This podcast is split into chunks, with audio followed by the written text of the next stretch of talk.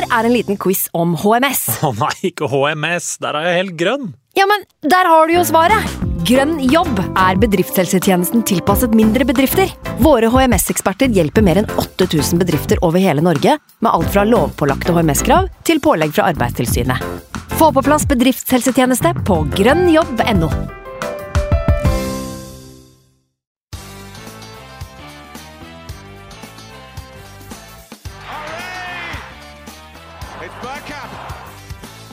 for grabs! The next station is Arsenal.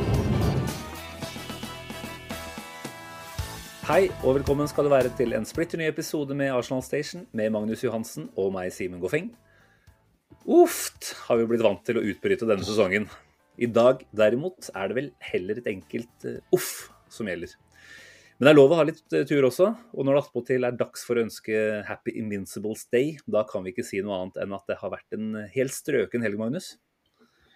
Ja, det gikk jo over all forventning, det er sånn resultatmessig. Eh, og etter å ha vært vitne til ganske mange komfortable eh, seier denne sesongen her, så var det godt å kaste litt eh, korkopptrekker, rydde litt i kjellerstua, drikke fire liter vann på et kvarter.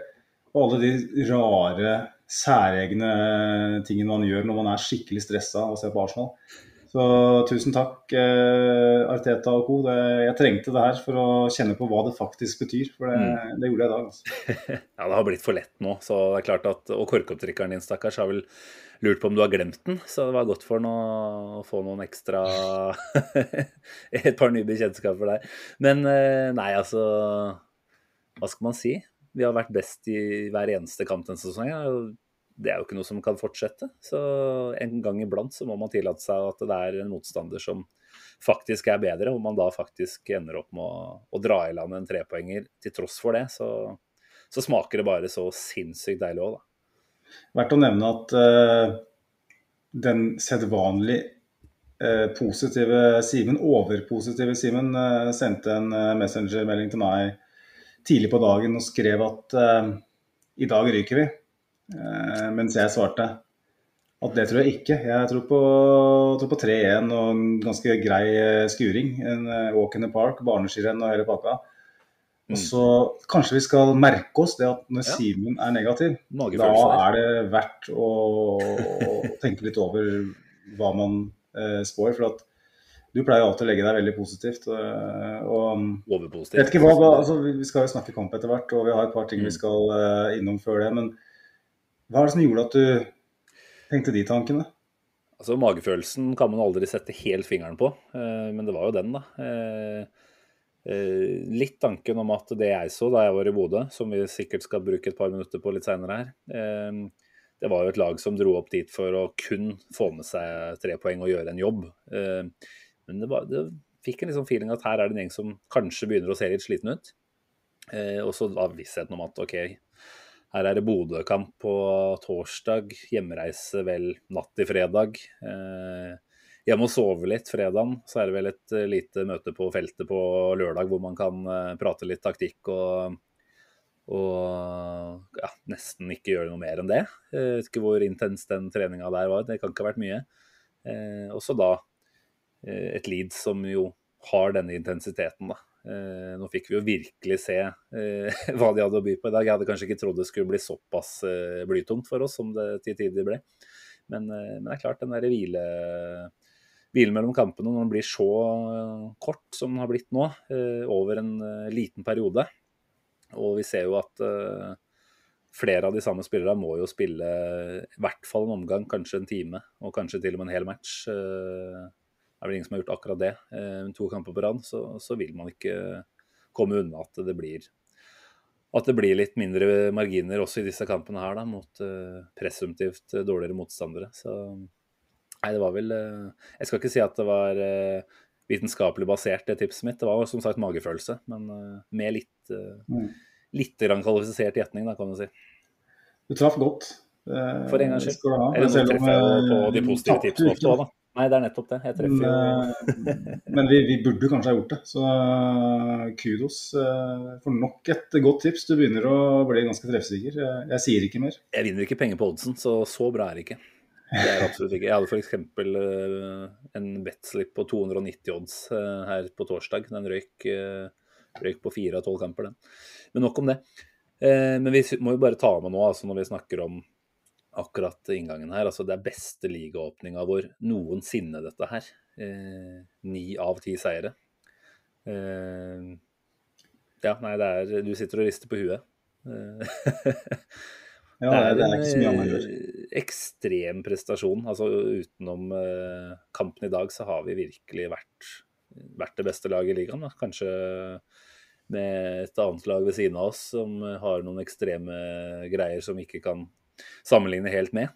Uh, når vi da klarer å, på en dag som i dag, få det gjennom uh, Da er det jo, om ikke titteldrømmen skal leve, så så er det jo et, eh, nok et kvalitetstegn, mer enn at vi må si at i dag var vi bare heldige og det var flaks. Så er det jo noe med å, å dra de inn på, på, disse dårlige dagene også. Det er en uh, mesterskaps, i hvert fall en, et ordentlig topplags uh, verdig, det altså.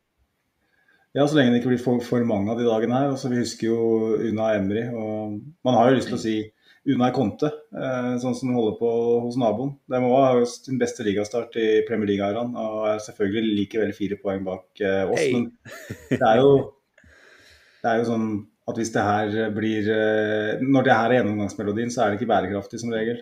Dette er et unntak, og det skal vi inn på når vi skal se litt på tall mm. XG og sånn etter hvert. Så, men, men, det er et unntak på mange måter. ikke sant? Altså spille bortekamper to ganger på rad. Eh, det i seg selv er vanskelig. Den, den bortkampen vi har spilt nå, har vært på kunstgress eh, langt til helvete eh, vekk. Og da å få så lite restitusjon før en ny vanskelig bortkamp Vi må ikke glemme at det var et Leeds-lag som ikke hadde tapt på hjemmebane denne sesongen her. Eh, før, før, vi kom på besøk. Så det er en spesielt tung uke òg. Vi må jo på en måte kunne si det. Eh, og allikevel så sitter vi igjen etter det med to 1-0-seire. Altså, vi har holdt nullen bort, borte mot et Glimt som har vunnet 14 på rad i Europa før oss. Og mm. mot et Leeds som da vel har skåra i alle hjemmekampene, kanskje. Jeg vet ikke helt om det, men uh... Jo, jeg tror det stemmer. Og har vi hatt én virkelig tøff motstander så vidt meg bekjent, på hjemme denne sesongen her uh, tidligere, og det er Chelsea. og Da vant de 3-0, hvis ikke tar feil. Og Stemmer det, og det er jo et lag som... Det er noe med at det er et lag som trives godt med å ikke ha ball. Um, jeg tror det er flere lag som kommer til å få det tøft på, på, på Ellen Road hvis teknikken funker og han kan faktisk spille ball. Så er det um, Jeg tror ikke det blir enkelt i det hele tatt. Og det er Vi sa det samme foran Brentford og Crystal Palace. og vi vinner alle de kampene her. ikke sant? Og um, noen mer overbevisende enn andre. Mm.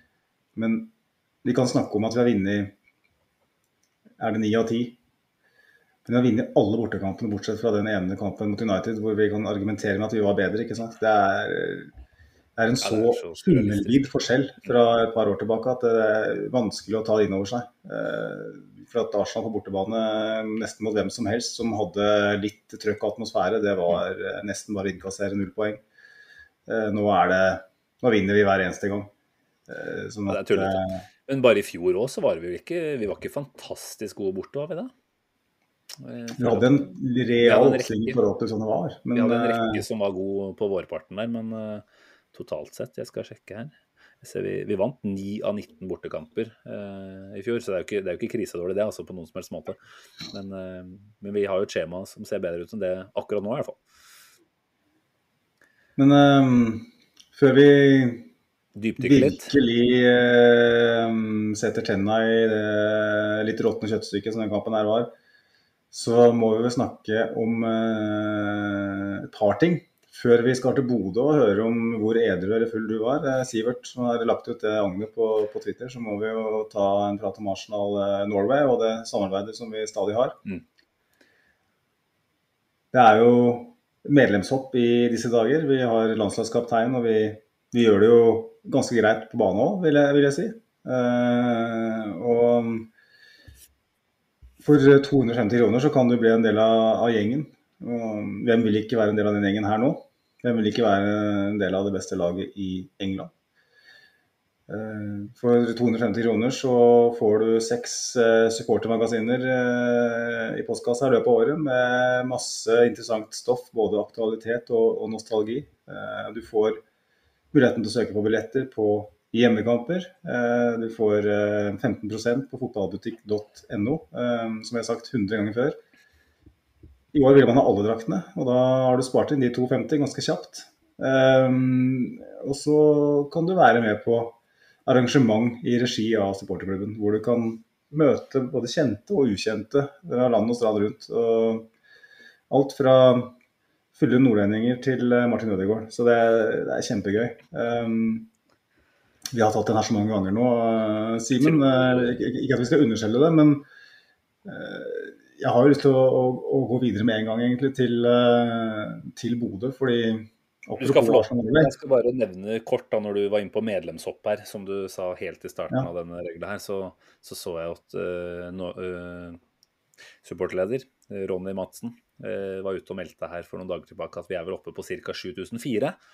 Så den pila peker jo definitivt oppover. Og siden vi har spilt mot Leeds nå, så er det jo verdt å nevne at det er de da, som ligger over oss. Uh, de er vel på fjerdeplass over den største norske supporterklubben. Så neste delmål det må være å, å komme seg forbi Leeds. Og da tenker jeg at alle de som lytter på her, som ikke har blitt medlem ennå, vet hva de har å gjøre.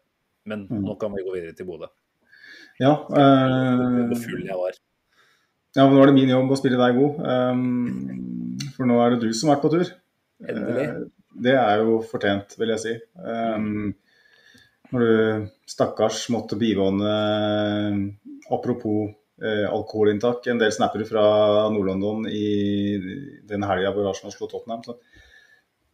Eh, når vi snakker om eh, fuktige kvelder, eh, turer eh, med Arsenal, og ikke minst Arsenal-Norge, for Arsenal var i Norge og spilte mot eh, et uh, kruttsterkt hjemmelag, si. 14, 14 14 eh, strake hjemmeseiere, er det ikke det? Eh, eller er det 14 kamper uten tap? Nei, det er faktisk seire i Europa, da, vel å merke. Ja, mm. det er jo ganske heftig, det må man jo si. Um, men så kom Arsenal, og så kom Simen Gofeng oppover med godt humør og noe i glasset. Og da ble det stopp. altså, jeg var vel aldri i nærheten av å være like bedugget som det du var da du var på tur i London for noen uker tilbake. Eh, derav litt færre snapper fra meg til deg, kontra hvordan du serverte eh, når du var på tur med, med Andreas. Eh, men Bodø er jo en, etter hvert en veldig ålreit by. Eh, jeg hadde et godt vertskap. Eh, bodde, bodde, fint hos eh, en god kompis som bor der oppe. Så alt lå til rette for en, et par nydelige dager der. Og, og det var det absolutt. Jeg kom jo opp samme dag. Uh, heldigvis, det var ikke så langt unna at jeg missa flyet der, for jeg hadde beregna bitte lite grann uh, kort tid hjemmefra. Og så var det selvfølgelig noe trafikkuhell på E6 innover mot Oslo. Så jeg skal ikke si hvor fort jeg kjørte, for da kan jeg vel fort bli ettergått og straffa her. Men, uh, men, jeg rakk flyet. Jeg parkerte på Gardermoen 35 minutter før takeoff. Så det, det holdt fint, det. Rakk ikke Lofung og øl, eller? da? Ikke noe loffunge. Så det er klart, eh, jeg budsjetterte inn en, eh, inn en fartsbot og budsjetterte ut en loffunge, så da går man jo ca. i null. Eh, men når jeg først kom opp til Bodø, så, så var det en, en, kjapp, god lunsj med noe attåt. Og så var det ute på ut og finne Arsenal-supportere i Bodø-miljøet. Og det var jo et par ålreite puber som hadde Noget eh, gjester fra både inn- og utland eh, med, med, røde drakter. Og det var hyggelig. Møtte jo da nevnte Sivert. Eh, litt usikker på hvor han vil hen med denne, denne tweeten, hvor han spør om jeg var edru. For det skjønner jeg ikke helt, for jeg var ikke edru. Jeg var nok absolutt ikke overstadig. Og jeg klarte å, å, ta meg sammen, men hvis han prøver å hinte om at jeg ikke var edru i det hele tatt, så er vi i hvert fall ute å kjøre. For det, det vil jeg si at jeg var. Eh, Sørga til og med for god stemning på puben da jeg var oppe og spurte DJ-en om han kunne sette på litt Tequila og litt eh, Rockin' All Over The World og få på litt stemning, ikke sant. Så nei, jeg følte at vi, vi hadde en god, en god greie før kamp. Kanskje litt færre Arsenal-supportere på pub enn jeg hadde sett for meg, det må jeg jo si. Så jeg vet ikke om det var mange som satt og vorsa på hotellrommet. Men uh, alt i alt uh, kjempetrivelig. Veldig hyggelig å se Sivert. Veldig hyggelig å treffe en annen lytter av podden som heter William Gustavsson. Som, som var en førstegangsmøte. Og det, det, er jo dette som er gøy. Det har jo du fått merke òg, Magnus, at er man på tur og treffer folk som som både deler kjærligheten for Arsenal, men som da i tillegg eh, er blant de hyggelige folka som, eh, som lytter på den poden her en gang i uka, da, da er det ekstra stas, altså. Så nei, det var, eh, det var veldig ålreit. Kampen i seg sjæl, la oss være ærlige, det var en nedtur. Eh, vi dro i land seieren og ikke så mye mer enn det. Eh, men han, han, han, jeg bodde hos, har vært på en del Bodø Glimt-matcher, og han meldte jo at uh, dette var den klart uh, beste kampen eh, Bodø-Glimt eh, har hatt å by på sånn altså Ikke nødvendigvis prestasjonsmessig, men sånn totalbilde med, med ramme rundt og atmosfære og sånt. Det var en ordentlig stor kveld for disse oppe i Bodø da, når vi, når vi Arsenal-supportere kom på besøk. Så mm. Nei, det var, det var, stas. Så var jeg så heldig å få en dag ekstra der oppe og hadde en kanskje faktisk enda fuktigere fredag enn lørdag, faktisk. Nei, fredag enn torsdag. Så det trenger ikke alltid å være fotballmatch for å ha en hyggelig kveld på byen. Det var dårlig med snapper da også, så, men jeg vet ikke hvordan jeg tolker det. Men uh, poenget er vel at uh, du har hatt en jævla fin tur uh, til Bodø. Det er en utrolig fin by, jeg har vært der sjøl. Mm. Jeg ser jo de engelske journalistene som har vært ja. over, de skryter jo hemningsløst av norsk natur. og det er jo når tregrensa går under havnivå nesten, så er det klart at da blir det jævla fint. Eh, Mye fine klær. Fra de tjukkeste skoger på Hedmarken, så når jeg er der oppe i området der, så blir jeg jo mo i knærne. Det er jo så fint. Mm. Eh, men eh, la oss ikke spore av på den måten. Vi, jeg leste jo at Vi skal jo ikke utlevere våre egne her, men det er verdt å, å merke seg at det var en del tomme seter på bortetribunene. Nå satt jo ikke du der, da. Men Opplevde du bortefansen til Arsenal på samme nivå som jeg å si, du er vant til fra TV-skjermen eh, når vi spiller bort i Premier League? Altså, nå vil ikke jeg sitte her og som du sier, oute våre egne, eh, men jeg tror nok at det var noen som følte litt på at det var en sånn Det var nok en del hassle for en del, eh, Sivert inkludert, forsto jeg, å få tak i disse billettene. Det var jo veldig strengt med identifisering for å hente ut billetter. Og det var vel, ja, ifølge Sivert, et femtitalls billetter som ble liggende uhenta, faktisk. Eh, så det er klart at det er nok en stemningsdemper. Eh, fra min posisjon på andre sida av banen, bak andre målet, så, så, kunne jeg dessverre ikke høre så mye Arsenal-synging som vi pleier. mulig at det er kulda som satt inn, og, og, så skal det sies at hjemmefansen virkelig var på. Altså. Så de overlevde jo også mye av det som ble ble igangsatt. Men, eh, men det var nok en uh, europaligakamp uh, også sånn prestasjonsmessig på, på bortefeltet der. Ja. ja nei, for det, jeg satt jo på, på hytta med solcelledrevet TV på ca. 15 tommer, så Uh, verken lyd eller bilde var optimalt. Du lurte på om det var jo... den som var grunnen, ja? ja. Det hørte jo kun Green-fansen. Jeg hørte vel Sariba-sangen én gang. Så, men uh, uansett, det må jo ha vært, før, før, vi går videre til match, det må jo ha vært eh, spesielt å se Arsenal på, på, norsk jord. Ja, det er jo første gang jeg har vært så heldig for å gjøre det. Eh, Molde-matchen var jo ikke, ikke, åpen for oss, og den Viking-kampen tilbake i 2015-16, den hadde jeg ikke muligheten på. Så, så det her var, det var, gøy, altså. Så det er klart, når, når, man virkelig drar på med flere av kanonene Saliba spilte jo fra start, Ødegaard spilte fra start, Saka selvfølgelig så, så følte du at du var vitne til noe spesielt sånn sett. Selv om eh, det som sagt var ganske labert eh, kvalitetsmessig. Da. Men mm. Eh, det er kult å kunne kalle det sjekka for det også, sett Arsenal i Norge. Der har ikke jeg vært ennå. Jeg prøvde å komme meg til Trondheim når vi spilte mot Rosenborg i ja. 04, høsten 04. Eh, men eh, billettdriften var omtrent sånn som den pleier å være, så det var bare å glemme det. For en 17-åring fra i dype skoger. Så jeg har fortsatt dette gode, så neste gang, Simen, Da- da. må vi prøve oss å da, da drar vi i gang et opplegg òg, med livepodding. Oi, oi, oi, oi. Snakk om å love seg bort. Men, Det er så jævlig eh, kjipt nå når vi trekker uh, Bodø-Glimt eller Molde eller sånn neste år. Uh, så sitter vi her igjen med presset på oss. Men, um, Jo, men vi må videre. Vi skal, vi skal videre. Siste, jeg skal bare gi en liten honnør til Bodø-Glimt-fansen på uh, mitt felt også. For jeg var den eneste som satt der, så vidt jeg kunne se, og jubla for Arsenal-scoring. Og reiste meg opp når vi var i nærheten av mål. Eh, så fikk jo absolutt ikke noen mishagsytringer fra noen på det. Og det hadde jeg jo kanskje ikke forventa heller, men du veit jo aldri hvordan folk er. Så, så det, det satte jeg pris på. At det gikk an å være seg selv. Men nå kan vi gå videre, Magnus. Vi har en, eh, det som etter hvert ble en veldig innholdsrik kamp å dissekere. Eh, Jeg satt vel og tenkte sånn litt ut i andre gang at ja, dette her kan jo bli en pod på tre kvarter, så er vi jo tidlig ferdig i kveld.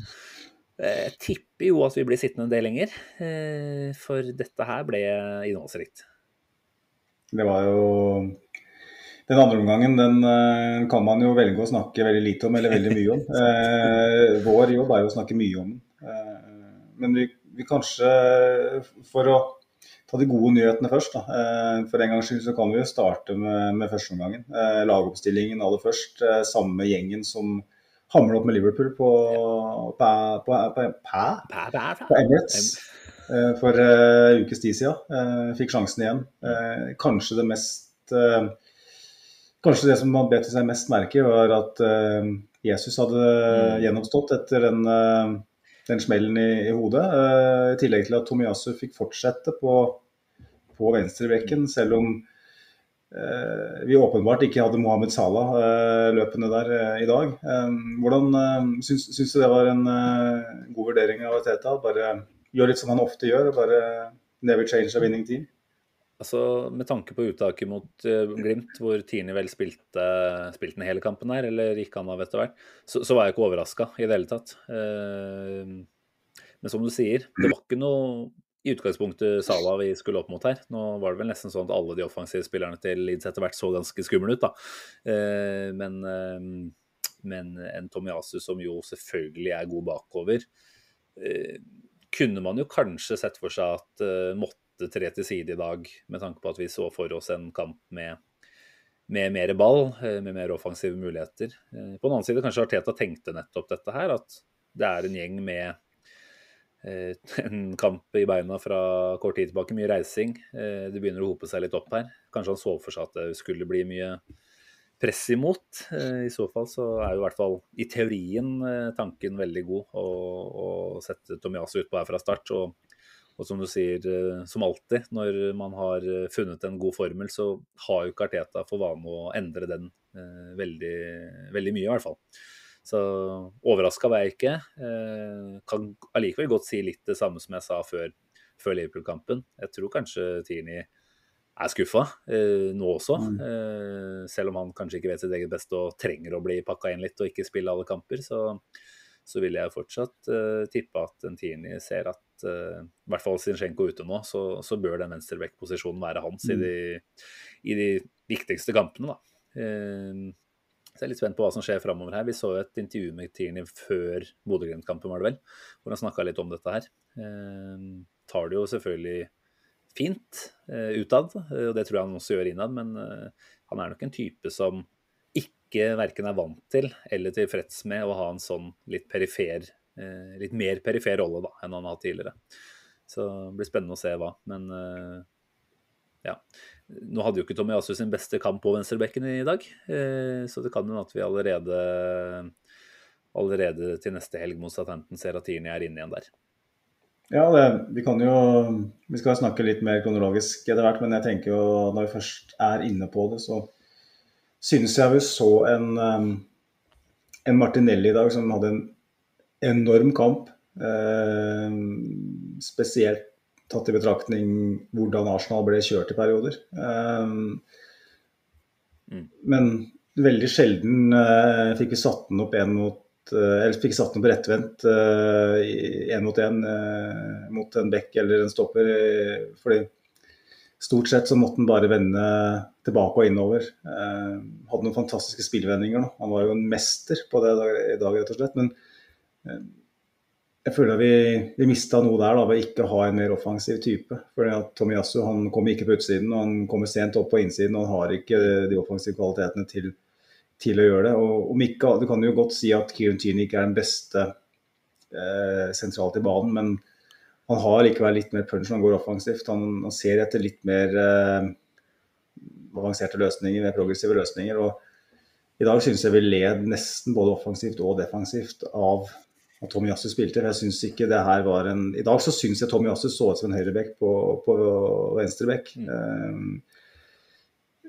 litt svakere én mot én. Um, slet med presset til Leeds, spesielt i første omgang. Um, for, og for så vidt frem til han ble flytta til høyrebekken. Så og slet rett og slett litt med ballkontroll. Altså, han var ikke alene om mm. det, altså, men jeg synes det var flere ganger hvor han så ut til å være i litt ubalanse, både når han mottar og når han skal vende eller uh, passe. Så nei, han virka ikke å ha en toppdag, rett og slett. Det, det fløyt ikke. Nei, så um, det var jo på en måte en, en match hvor vi, vi, igjen stiller med fire stoppere. Uh, det er jo strengt, da, for han er egentlig høyrebekk, Tommy også, men han er jo han har jo han er jo vel så mye en stopper, egentlig. Uh, og um, vi, må, vi, har på en måte ingen sånn virkelige offensive backer som kan gå på å støtte uh, angrepsspillerne våre i, i omstilling. Eh, og Ben White har heller ikke en spesielt eh, god dag på jobben og blir tatt av òg. han har er det 80% treff på pasninger i, i dag, slår ballen en del fra seg. og han var jo god mot Liverpool, vi var jo enige om det, men han, da tror jeg han var nede på 60-tallet på pasningstreff. Så han, han, sliter litt med distribusjonen på høyrebekken der. Um, sliter litt med posisjoneringa i dag. Så, litt, litt, eller ganske ja, jeg, synes, det, det, vet at det, var som påfallende, uten å avbryte deg for mye her nå. Jeg syns det var uh, Altså, det er nesten så lurer lure på om han har blitt bedt av Arteta om å befinne seg på helt andre plasser. Uh, og at Saka Kanskje skulle vært mer, men jeg vet ikke. Men uh, jeg syns det var uh, noe av det mest merkbare i dag. Hvor mange ganger Ben White ikke var der han skulle være når venstrekanten til Leeds ble spilt opp. Eller i hvert fall hadde, hadde muligheten til å bli det. Så mm. ja, nei Igjen, som vi snakka om tidligere her, det var vel en del forutsetninger som ikke lå helt til rette for oss, og enkeltspillere som ikke hadde maksdagen sin, og allikevel, da. Så, så det går godt til slutt, så. Men vi, vi, la oss starte litt sånn kronologisk her, skal vi ikke bare gjøre det? Ja. Uh, da kom vi ikke utenom å snakke om at det ble tre kvarters avbrudd pga. Av noe teknisk rør. Det er imponerende, det må jeg bare si, men uh, nå var det vel kanskje ikke lokalt på disse dommerduppedittene at problemet lå. Det var vel på Ellen Road, uh, kunne man lese. Så i så fall så er vel i hvert fall dommerne unnskyldt akkurat i denne sammenhengen her. Eh, og som Arteta sa etter kamp, eh, med disse matchavgjørende hendelsene som etter hvert uh, dukka opp, da, så må vi vel kanskje være glad for at man tok seg tida til å få, få, det på plass. Uh. For en uh, Det var vel flere av oss som begynte å lure etter hvert på kan vi ikke bare gi faen. da Kan vi ikke bare få treneren til å si at det går greit? Vi dropper intercom og kommunikasjon med VAR i dag, og så spiller vi en god gammeldags fotballkamp. Men mm. eh, jeg tenker jo sånn som det blei, så, så, skal jeg være happy med at vi, at vi hadde med VAR i dag, faktisk. Eh, ja. Tenker du at den eh, der liksom fikk noe påvirkning på noen som helst måte? Altså, det var det samme for begge lag. Eh, jeg tenkte vel faktisk at er det ett lag som kan profitere på det, så er det Arsenal. Med tanke på at piffen kanskje går litt mer ut av hjemmefansen her, da. At man har en mulighet mm. til å ta grep om kampen eh, kanskje i enda større grad enn jeg så for meg at vi ville gjøre, gjøre ellers.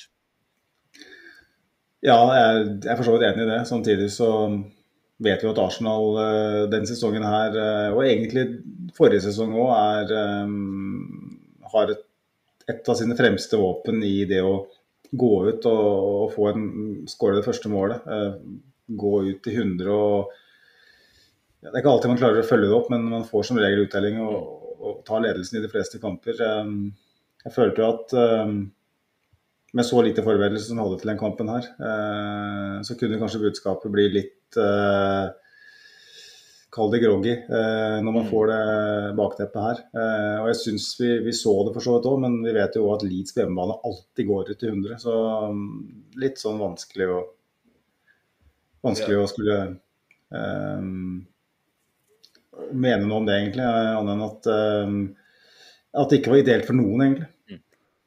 Ja, nei, det stemmer jo det at vi, vi har jo starta kjempegodt. Og det er vel før den kampen her vi som hadde skåra flest mål både i det første kvarteret og første halvtimen, mener jeg å ha sett et eller annet sted.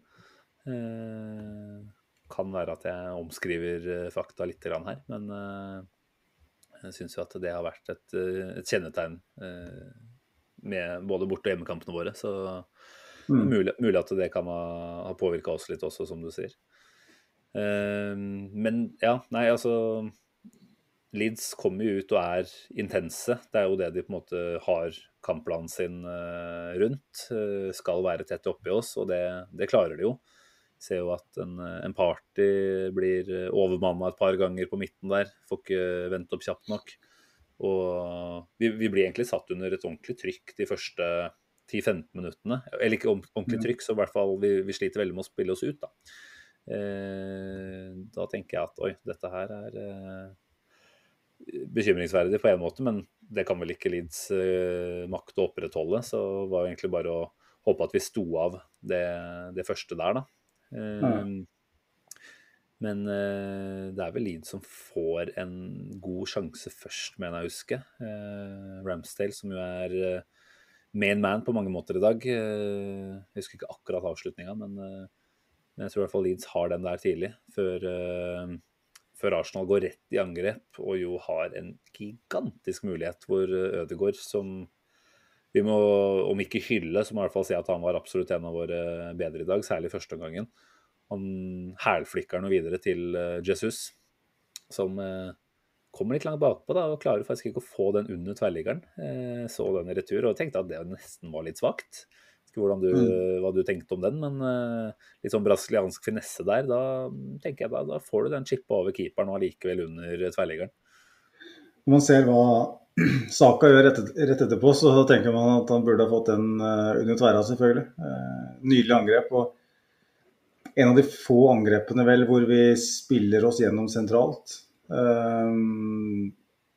Jeg syns jo at vi, vi, løser det ganske godt etter hvert um, i den første omgangen. Jeg synes egentlig, jeg satt på pause så hadde jeg en veldig god følelse, for jeg syns at vi med tanke på hvor intensive, intensive Leeds var og hvor god start vi på kampen, så syns jeg vi gjorde en ganske god omgang. Mangla bare litt på siste tredelen. Mm. Uh, men eh, jeg uh, syns jo at, uh, Thomas Party ble veldig prega av at Leeds kjørte overbefolka midten og hadde vel Harrison på seg hele tida. Han stupte jo press på Party hver gang han hadde ball. Uh, han hadde litt vanskelig i starten, så vet vi at Thomas Party han er så god på å gå av press at han, han fikk litt hjelp av Ødegaard. Når Ødegaard begynte å kjøre to tunneler i én sekvens og sånn, ja. hadde en helt fantastisk dag, som nevnte, så, så fikk vi løst opp litt der. da. Men det som først og fremst um, gjør at vi klarer å, å, ta litt kommando i den omgangen, er at vi i større grad kjører spillvendinger. Først og fremst fra venstre til, til høyre. Eh, Martinelli, som jeg nevnte, mester i dag eh, i spillvendinger. Eh, mange. Tre, det, har, det er blitt en litt sånn trademark move egentlig fra Martinelli. At han mottar ball høyt i banen, så vender inn i banen og, og setter opp kombinasjoner, eventuelt vennerspill. Mm.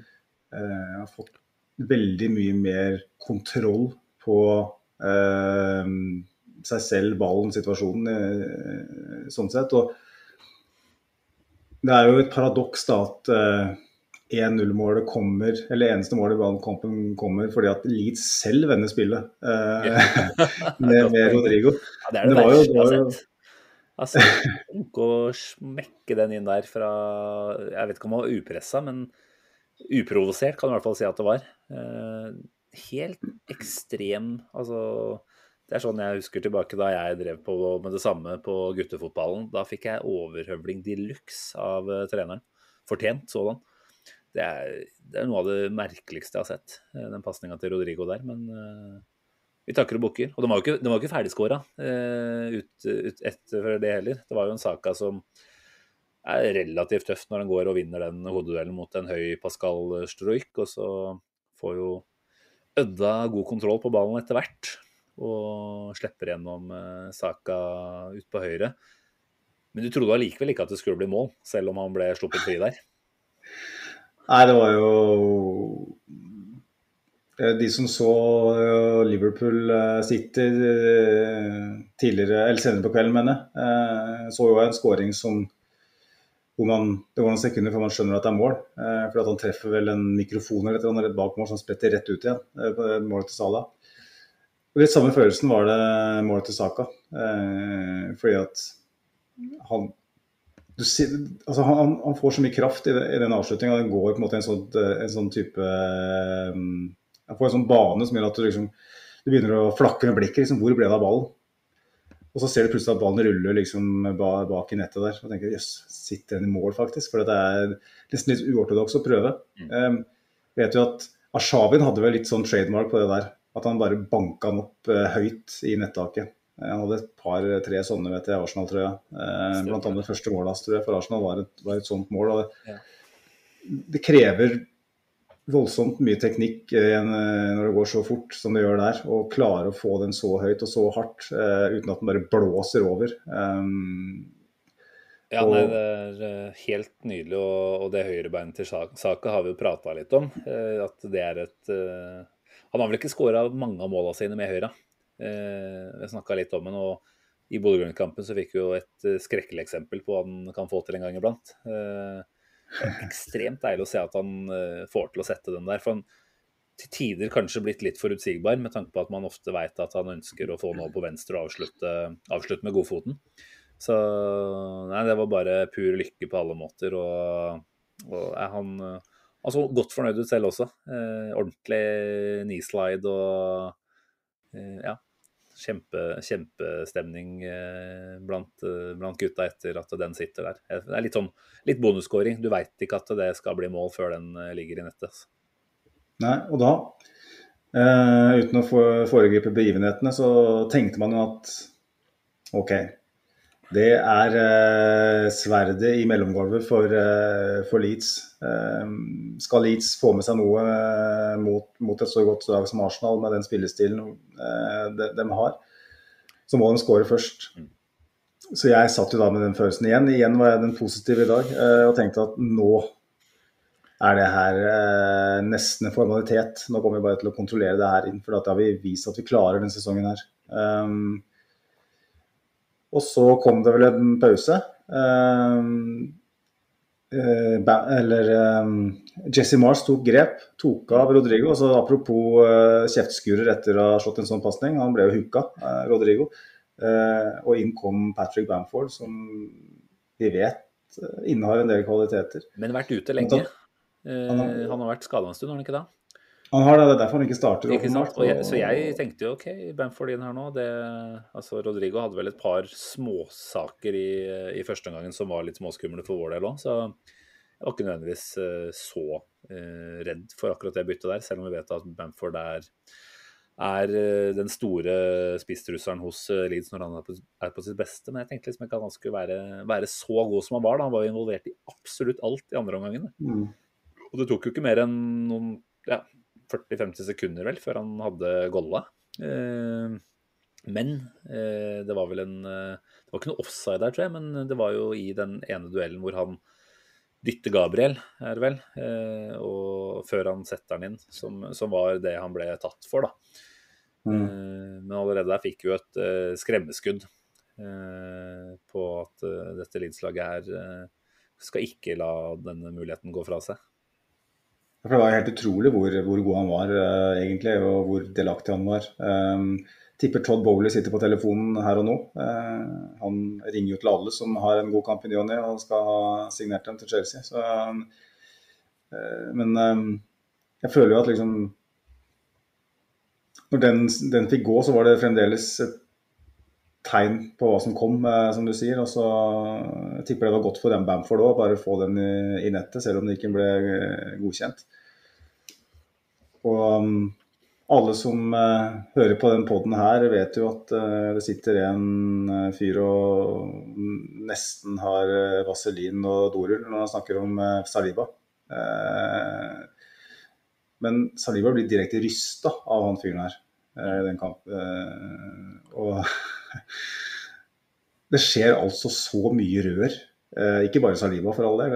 Hele Forsvaret blir prega av at det kommer inn en annen spisstype eh, som evner å gå i bakrom, men òg Mm. ta imot ball feilvendt. Eh, flikke på første touch i, i bakrom, litt Giroud-esk på sett og vis. Han, han, han, han viste på en måte en sånn allround-game som Arsenal på ingen måte håndterte.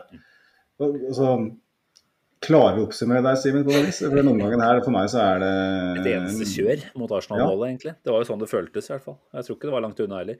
Eh, du nevner jo Saliba, og neste store sjansen der kom jo ikke så veldig mange minutter seinere. Det er jo vel når Saliba eh, misser i et eh, medtak. Han skal dra med seg ballen litt innover eh, når det spilles eh, litt eh, dristig i flere trekk i forkant der. Får en dårlig touch. Eh, sender jo egentlig Bamford alene gjennom. Og da har jeg lyst til å hylle Saleba litt òg, fordi jeg Mm. trodde akkurat der og da at han skulle felle Bamford som bakerste mann og få det røde. Mm. Det, det følte jeg at uh, lå i korta der. At oi faen, nå skal han kompensere for en, eh, en dum eh, miss. Men da igjen så er det på sin plass å hylle modenheten til den karen der. Altså når han ja, en sjelden gang, selv om i dag så var det kanskje oftere enn det pleier, eh, en sjelden gang eh, driter seg litt ut, da, så klarer han allikevel å, å holde huet kaldt eh, i, i neste sekvensen. Så han la jo Ramsdale gjøre jobben. Ramsdale kom jo godt ut der også. redder én mot én.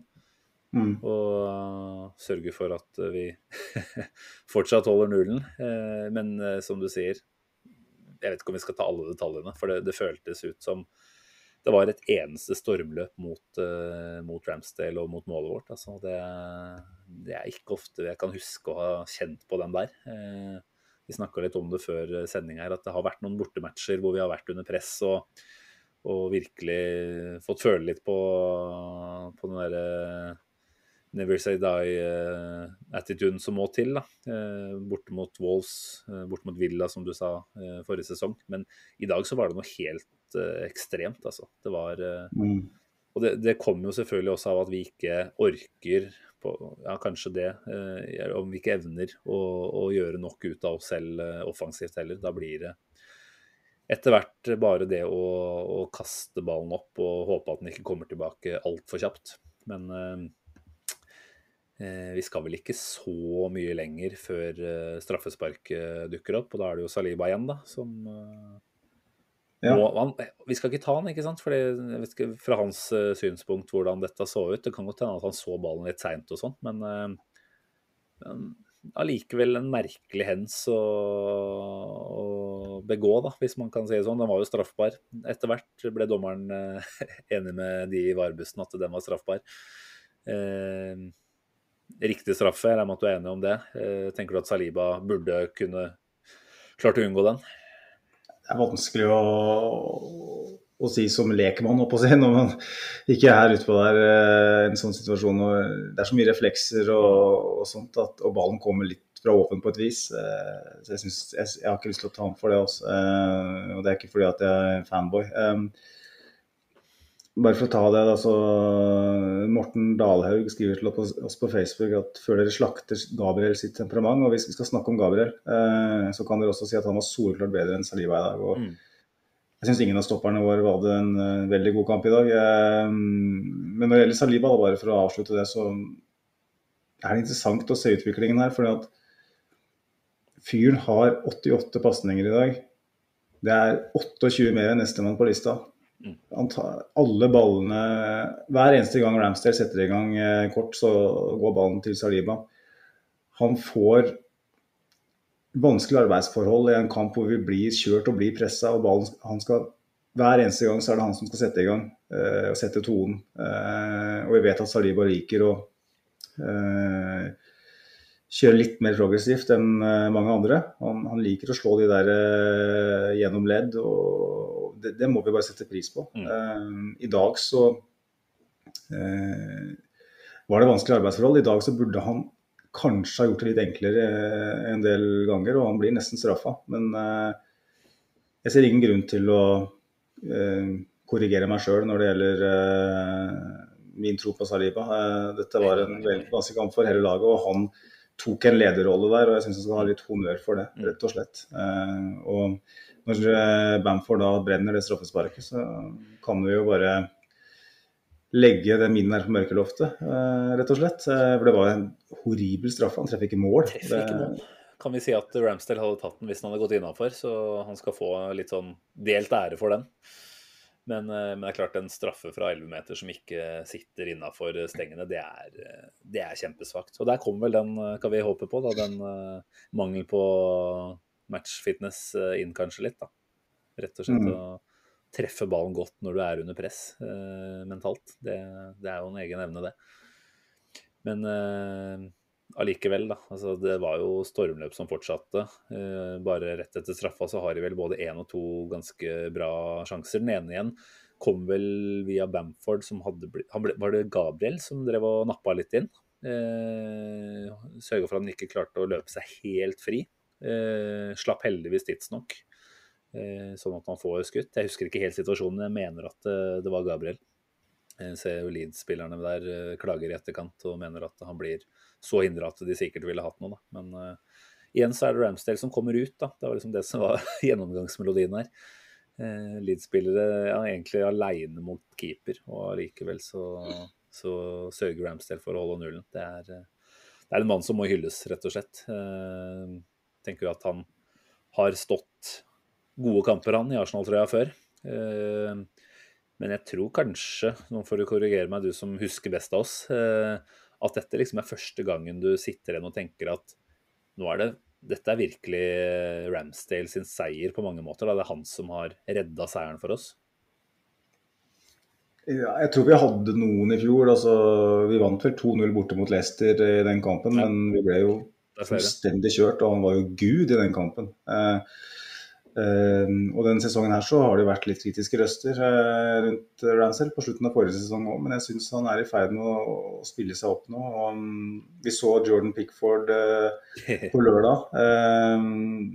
når Kane igjen melder seg på Skal vi stupe og er godt i lufta allerede, hvor Pickford mister hodet nok en gang og, og rett og slett sender inn en liten kilevink der på, på foten. og da da er det straffespark, og det er helt riktig å, å dømme straffespark. Du kan gjerne gi gult kort til Kane i tillegg, hvis du skal se etter reglene. Men, men uh, Lars Lunde på, på, Twitter han spør jo hva mer kan Ramsdale gjøre for å bli første keeper for England. Uh, det er jo nesten rart. Altså, nå vet vi at Southgate gjør ja, rare vurderinger ellers i banen òg, men jeg føler at når det kommer et trenerbytte på, mm. på England nå, kanskje allerede etter VM, så, mm.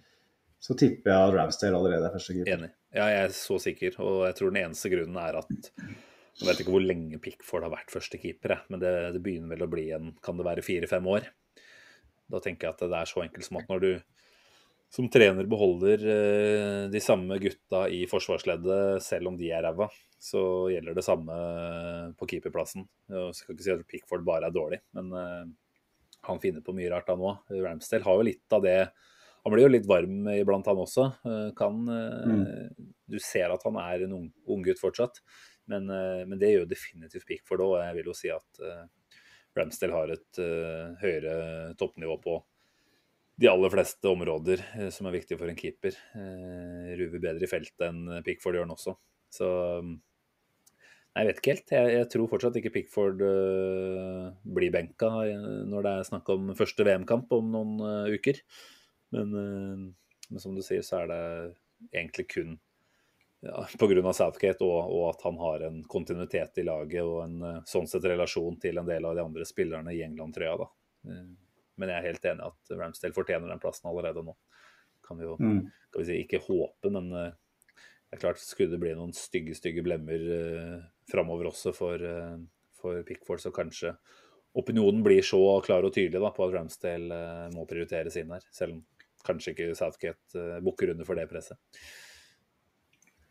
Mm. Men um, etter uh, straffesituasjonen og, litt sånn, så skjer det jo veldig mye mer. Uh, det var som, som Andreas Mathiassen uh, skriver til oss på Twitter, ble 30 år eldre på de 50 minuttene her. og jeg tenker at Det er utrolig at du lever hvis du har vært Arsenal-fan i mer enn én en sesong. hvis du blir 30 år eldre etter sånne 50 minutter. Men jeg skjønner hvor du vil hen. det er eh, Dette var litt sånn velkjent, egentlig. Eh, og det er ikke, ikke denne sesongen her, men vi har jo vært med på noen noen uh, sånne ikke, Det var veldig dramatisk denne kampen her da, med straffesituasjoner og alt sånt, men hvor vi, vi biter neglene ned til håndleddet omtrent. Uh, jeg føler at, at det snakkes veldig mye om, om, Gabriel her. Det snakkes veldig mye om hva skjer i andre omgang, er det noen som spør. Hvordan skal angripe, Simen? Nei, jeg tenker, uh, syns Silje Svendsen, aka Trygdeturi, er inne på noe som jeg også tenkte. Uh, hun skriver at hun savner at Arteta tar grep tidligere. Uh, kommer bl.a. inn på at Jesus var svak i første omgang og sto ikke opp igjen til andre. og jeg, også tenkte jo kanskje at det skulle være rom for å skifte. Så er det klart at igjen, det er en tynn tropp med kanskje noen eh, ferdighetsmangler fortsatt, ut ifra et sånn her type kampbilde, som gjør at det ikke blir bytta tidligere. Eh, Nketia spilte jo 90 mot, eh, mot eh, Bodø-Glimt. Allikevel allikevel så tenkte jeg nok litt i samme gata som uh, Silje, både at, at man kunne gjort et grep der. Jeg syns Jesus var mer og mer usynlig. Jeg vet ikke hvor lenge han fikk stå, jeg, men det var vel i hvert fall til 70 eller noe. Mm. Eh, faktisk til over 80, ser jeg her. Eh, så, så, der, altså igjen, vi skal ikke sitte her og vite bedre enn Arteta for det vet vi at vi ikke er i nærheten av. Men, eh, men både den og, eh, som vi var inne på litt tidligere, Ben White lurte jeg på om skulle fått uh, vilt også litt før. Jeg syns det var veldig veldig åpent mange ganger på, på den høyresida hans. Um, nå kommer jo det også bytte etter hvert, da, hvor Tierney kommer inn for uh, White og Tomiasso går over på høyrebekken. Uh, vet ikke om vi skal si at det ble så mye bedre kontroll heller etter det. Uh, så jeg, jeg, tenker Jeg skal ikke være kritisk til Artita egentlig, for jeg tror dette her er et resultat av en slitasje nå og et kampbilde som vi rett og slett bare Vi ble litt fanga i det. Jeg tror det var en stemning etter hvert som, eh, som, bygde seg opp og ga Leeds ekstremt med energi. Og de ser at de blir eh, premiert hver eneste gang de går hø høyt i press og er oppe i våre spillere. Da. Og det, det, er selvfølgelig noe Arteta kunne gjort noe med, men eh, ser også at han hadde vanskelige arbeidsforhold i dag eh, med tanke på hvem han hadde å sette inn. Da. Eh, du og jeg snakka litt om alternativene han hadde. Eh, Fabio Vieira er jo den første som kommer inn for Ødegaard. Like for like på mange måter. Eh, ambisjonen til Arteta var kanskje at vi skulle ta over og kontrollere mer av ballinnehavet. Eh, jeg tenkte jo før jeg snakka med deg at kanskje vi skulle satt på Lokonga der istedenfor. Eh, men jeg syns jo du har et godt poeng eh, når du sier at eh, såpass temposvak som han har vist seg å være, så kunne han blitt spist levende av det Leeds-laget her utover andre gangen. Så skal til nød eh, si meg enig og si at det er kanskje et godt, godt poeng. Lokongo kommer jo ikke på i det hele tatt. Men, Nei, jeg, jeg, men vi ser jo ja, ja, kom, kom dit. Jeg har lyst til å bare på en måte forklare det, det du er inne på der. Da. Det er jo at Lokonga er jo veldig smooth. Eh, jeg har silkefot. Han, han slår ballen på et vis som få gjør. men Han treffer punktet på innsida av foten. Altså, jeg er ikke noen fotballanalytiker, men du vet at den når mannen sin. Han er enorm på det. Men han bruker for lang tid på å ta avgjørelser på banen. Du så det med Bodø-Glimt òg. Han hadde en god start i den kampen. Fikk en assist uh, der, vel. Delvis. Uh, den litt rare skåringa til Saka. Mm. Uh, men utover i kampen så ser du at han, han blir prega av, av, at han bruker for lang tid. han drar ned tempoet, og i dag mot Leeds det er vi har spilt mot Liverpool vi har uh, blant annet denne sesongen her. og Dette er den kampen hvor Arsenal har uh, opplevd det mest intensive presset denne sesongen her. Dette er en kamp jeg tror Lokonga ville fått store problemer i. Og jeg er ganske sikker på at det er årsaken til at uh, Arteta ikke våger å sette den på der. Um, og hva sier det om Lokonga sin rolle i det laget her? Det kan vi jo snakke om sikkert senere, men uh, vi, når Elneni er ute, da, som vi alle er enige om at ikke er framtida, men som allikevel er en rutinert type som kan komme inn og gjøre ting enkelt. Det det det si. Vi kunne vel sett for oss at hadde vi hatt Eleni i dag, så hadde han kommet inn.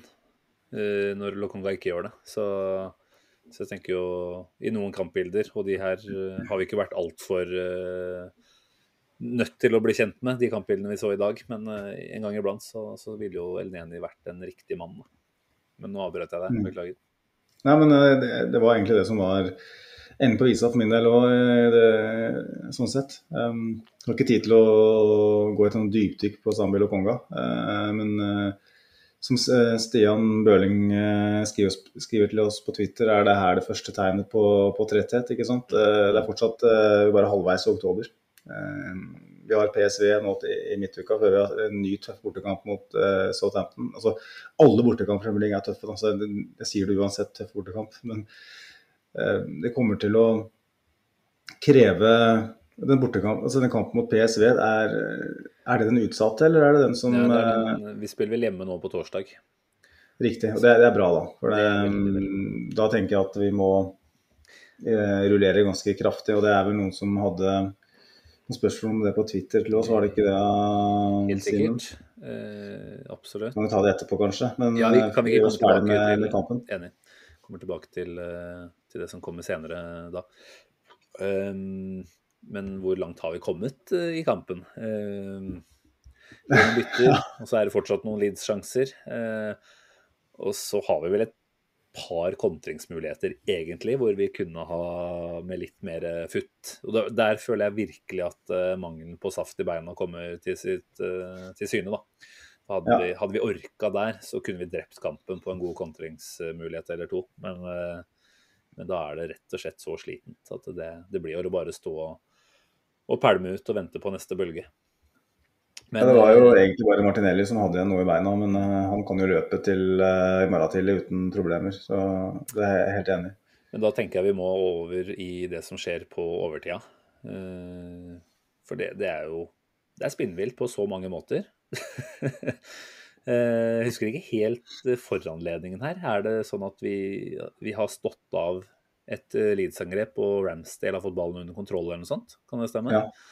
Og så løper jo da Bamford uh, inn i uh, Gabriel, som ramler. og fra de hoved-TV-bildene så ser det ut som Gabriel da sparker ut og treffer Bamford, med tanke på reaksjonen til Bamford. dommer som ikke denne gangen er interessert i å se hva VAR har å by på først, eh, drar jo opp rødt kort etter å ha snakka med linjedommeren. Og da er jeg veldig spent på å høre hvordan det både gikk med korketrekkeren din og deg sjæl eh, nede i kjelleren eh, i heimen. Ja, altså etter å ha gjennomgått den eh, det marerittet av eh, 45 minutter eh, i forkant, så så var jeg nesten ikke i stand til å reagere. Jeg kasta capsen min i veggen, det husker jeg at jeg gjorde, det, men eh, det var sånn OK, det mm. selvfølgelig. Ja. Men um, Vantro, rett og slett? Ja, det var vantro. For ja. Nå er vi litt vant til at Arsenal klarer å ro ting i land. Nå har vi, nå har vi vunnet ja, jeg husker ikke engang. Vi har ni av ti Premier League, så har vi også vunnet de tre kampene i Europaligaen. Pluss at vi vant de siste par forrige sesong. Så vi har en rekke nå som er bare helt spinnvill. Sånn at man man nesten forventer at det går bra. Mm. Eh, spesielt når Holdini driver og hopper og spretter tilbake der. Da tenker jeg at da er det safe. Det er bare sånn det er. Naturlov. Eh, når Holdini kommer inn, da, da, da vinner vi. Men uh, jeg må jo bare si at Bamford er en kuk. jo, det er, en del av det. Jeg er helt enig. altså, jeg har sett han i aksjon før. Han, er den første, han, er litt, han har litt sånn Kane-fakter. Han er den første opp i trynet på dommeren hver eneste gang det er noe. Og han kommer med sånne små kyniske dulter og dytter her og der. Han mm. filmer som en jævel, hvis du legger merke til det. Uh, den, første, den skåringa som ble annullert, der er han jo ganske altså Kane hadde jo fått lov til å gjøre det, selvfølgelig, for han har det bindet på England. Men Bamford får ikke lov, heldigvis. Eh, og det er jo så deilig å se da, at en forkjemper for VAR som meg eh, endelig får litt grann å, å, å, mm. hoppe i taket for. For at her funker VAR den her, Det er rødt kort. Det er tre kamper Gabriel uh, ute det, uh, i en utrolig kritisk fase av sesongen for oss med så mange kamper. Og det er to poeng tapt. Sannsynligvis hvis han treffer mål Bamford, da, det vet vi jo ikke. Men det er så deilig å se at VAR funker, for det her er jo så utrolig korrekt. Uh, det skal jo aldri være rødt kort. Det er jo, det er jo Han fikk jo gult, selvfølgelig. Ja, som var en Eh, rar- det er jo ikke direkte rødt, han blir jo ja. dytta over ende der eh, når ballen er ute av spill. Og så er det en liten bevegelse med foten der. Det er jo ikke, ikke direkte et spark. Altså Nå må folk gi seg. Nei, altså Han sparker jo ut, han treffer han jo aldri. Eh, Det, det er jo flashbacks til eh, Vieira mot van Nistelrooy. Trafford Yes. I 2004. Det Hvor vi, ikke, hvor vi ikke hadde VAR, selvfølgelig. Og Vieira selvfølgelig måtte ut. Eh, så ja, takke seg til VAR. Helt enig i dette tilfellet her. Eh, men eh, jeg kommer jo fortsatt ikke unna at For jeg, uten at jeg vet helt sikkert, så tror jeg det står noe i eh, i den uh, dommerboka om at det å eh, kan vi si, gjøre en sånn type bevegelse, da, som Nå husker jeg ikke akkurat hvordan Bamford eh, bevegde seg, men hvis han trakk seg litt unna på refleks, som han jo naturlig nok kanskje gjorde, så, så kan det jo si at det Gabriel gjør der, er å potensielt utsette en motspiller på fare, da, hvis, uh, hvis Bamford ikke hadde beveget seg. Men igjen, det er med et forbehold om at jeg ikke husker hvordan det så ut helt. Men uh, ja, det blir for så vidt riktig til slutt. Men fytt i helvete så dumt det er av Gabriel. Om ikke det er dumt, så er det i hvert fall hodemist igjen. Eh, og den har vi jo snakka om noen ganger nå, at han ikke klarer å holde hodet kaldt. Eh, og dette er en situasjon, eh, tenker jeg, som han som eh, stopper må tåle. Altså det å bli dytta over ende. Eh, ikke spesielt stygt, unødvendig av Bamford, ja. Men at, eh, at Gabriel ikke takler det bedre enn det, det, det syns jeg er eh, bekymringsfullt. Altså, jeg syns det. Eh, så syns jeg absolutt at vi skal eh, skille mellom hva Gabriel gjør i kampen i dag, og hva han stort sett presterer på banen når det kommer til det fotballmessige. For der er han som oftest veldig god. Men i den situasjonen her, så Ja, det er ikke Jeg er for så vidt enig med deg at det er ikke et rødt kort, men eh, det er eh, faen ikke så langt unna heller, altså. Så jeg eh, ja, reagerte jo først og fremst med å bare, som du, for så vidt i vantro, men også ved å være ganske kritisk umiddelbart til at Gabriel på dette tidspunktet i kampen, og med ballen under kontroll, presterer å gjøre noe så idiotisk. Da. Det må jeg bare Ja. få lov til å si. Ja. Um, vi får, har jo fått noe um, Ganske mange spørsmål og Mm. innspill på, på Gabriel. Jeg er helt enig med deg, jeg. Altså, men uh, Sander på Twitter, uh, at hockey understrek Alan Torrey. Um, han skriver vi må gjøre noe med, med Gabriel. Lever ofte helt på grensen til hva vi alle tåler, men av og til er han enorm. I dag dessverre ut, ute på åkeren. Lov å ønske seg Pau Torres. Det er jo ja, det, det er absolutt lov. Um, og jeg føler at den derre Gabriel-debatten den blir mer og mer aktuell for hver uke som går nå. Eh, vi har jo snakka om det der med naturlig evolusjon eh, mot noe større. Eh, vi ser at vi har fått på plass eh, en stopper i saliva som er, hører til et nivå høyere enn det vi har fra før. Eh, du ser hva en Gabriel Jesus gjør, du ser hva en um, Zinchenko gjør når han er fit. ikke sant? Altså, det vil være noen som på en måte har vært med på denne reisen her underveis, som ikke vil være god nok til å ta det neste steget. Um, Gabriel er fortsatt en ung stopper, han er 25 eller noe sånt. Uh, sånn sett så kan vi tenke tilbake på Korselny på samme alder, uh, som etter hvert ble en veldig solid stopper for oss. Uh, det er litt for ofte nå, syns jeg. Det er litt for ofte. Det er straffespark her, og det er en uh, ballmiss som fører til mål her, og så har du den i dag, ikke sant.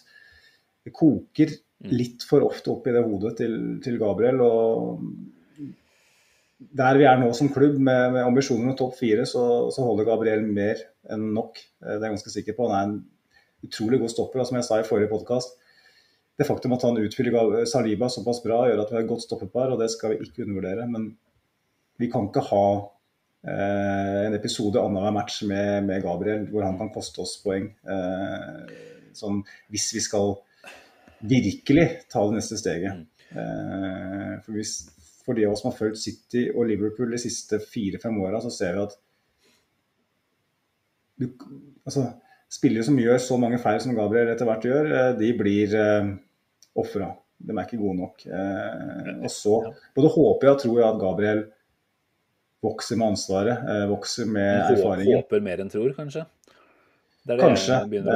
Eh, kanskje. Men, men jeg syns jo ja? Igjen, det er viktig å skille mellom det, denne delen av han og den spilldelen av han, da, som jo i dag var relativt god. Du nevnte vel tidligere at verken han eller Saliba hadde noen kjempekamper, men ser nevnte William Gustafsson, som jeg var eh, så heldig å få treffe i Bodø. Han har jo skrevet, han også, i denne forbindelse, at, eh, at Gabriel var enorm i dag.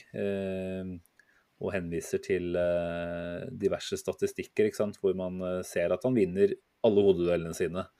Eh, Han har vunnet åtte av ni dueller totalt sett. Han har fire klareringer, fire blokkeringer, tre taklinger, tre gjenvinninger. Så det er jo bare ja, så dumt da at denne siste delen av det potensielt sett kunne ha blitt ødeleggende for alt det gode arbeidet han hadde vært med å legge ned. Eh, og, Mm. og så blir det selvfølgelig også det, det man sitter igjen og snakker mest om, og det man har mest fokus på. Eh, men jeg er for så vidt sånn sett veldig glad for at det er noen som har is i magen og klarer å, å dra fram eh, de kalde faktaene her, som jo faktisk er at han har hatt en ganske god kamp, da, egentlig. Eh, Ja. Men, eh, men der, det sagt så støtter jeg jo veldig det poenget du har hatt nå over flere uker. At Gabriel er vel kanskje en av de første som potensielt ryker hvis Arsenal skal ta et ytterligere steg eh, og befeste seg på toppen. Så fremt ikke Gabriel faktisk tar de stegene selv. Ja. ehm, det blir jo for så vidt eh, det store spørsmålet. og eh, Det får vi vente og se på. Men nå er jo tre nye poeng eh, innkassert. eh, tross en tung dag på jobb, eh, vil jeg si. City ryker på sin første, sitt første nederlag. Fire poeng ned. Uh, vi har Southampton borte og Nottingham Forest hjemme i neste to. Ikke drøm, Magnus. Ikke drøm. Nei, jeg vil ikke drømme, men uh, oktober har, har jo gått bra uh, så langt. Uh, skumle oktober med alle kamper. Eh, det er litt sånn vet ikke om vi skal snakke så mye om det nå, Simen, men eh, jeg tror kanskje det er det eneste øyeblikket i sesongen Kanskje får vi lov til å oppleve det et par uker til, men hvor vi har en luke ned til, eh, til konkurrentene. Um, hvordan skal vi forholde oss til det her? Hvordan skal vi takle det her? For det føles nesten unaturlig. Ja, nei, altså du spør jo en eh, pessimist, nei, en optimist av natur, da. Så du veit jo hva jeg egentlig har lyst til å si her. Men jeg prøver jo å tøyle meg litt. Ehm, jeg syns vi skal få lov til å drømme lite grann. Jeg tror vi må være realistiske og se at eh, selv om City taper i dag, så er det maskineriet der såpass eh, ekstremt i bredde, særlig. At de, de vil alltids eh, klare å hente mer enn nok poeng til å dra hjem den tittelen her, det tror jeg. Um, og vi ser jo også, dessverre, at Chelsea begynner å få ordentlig fart på det.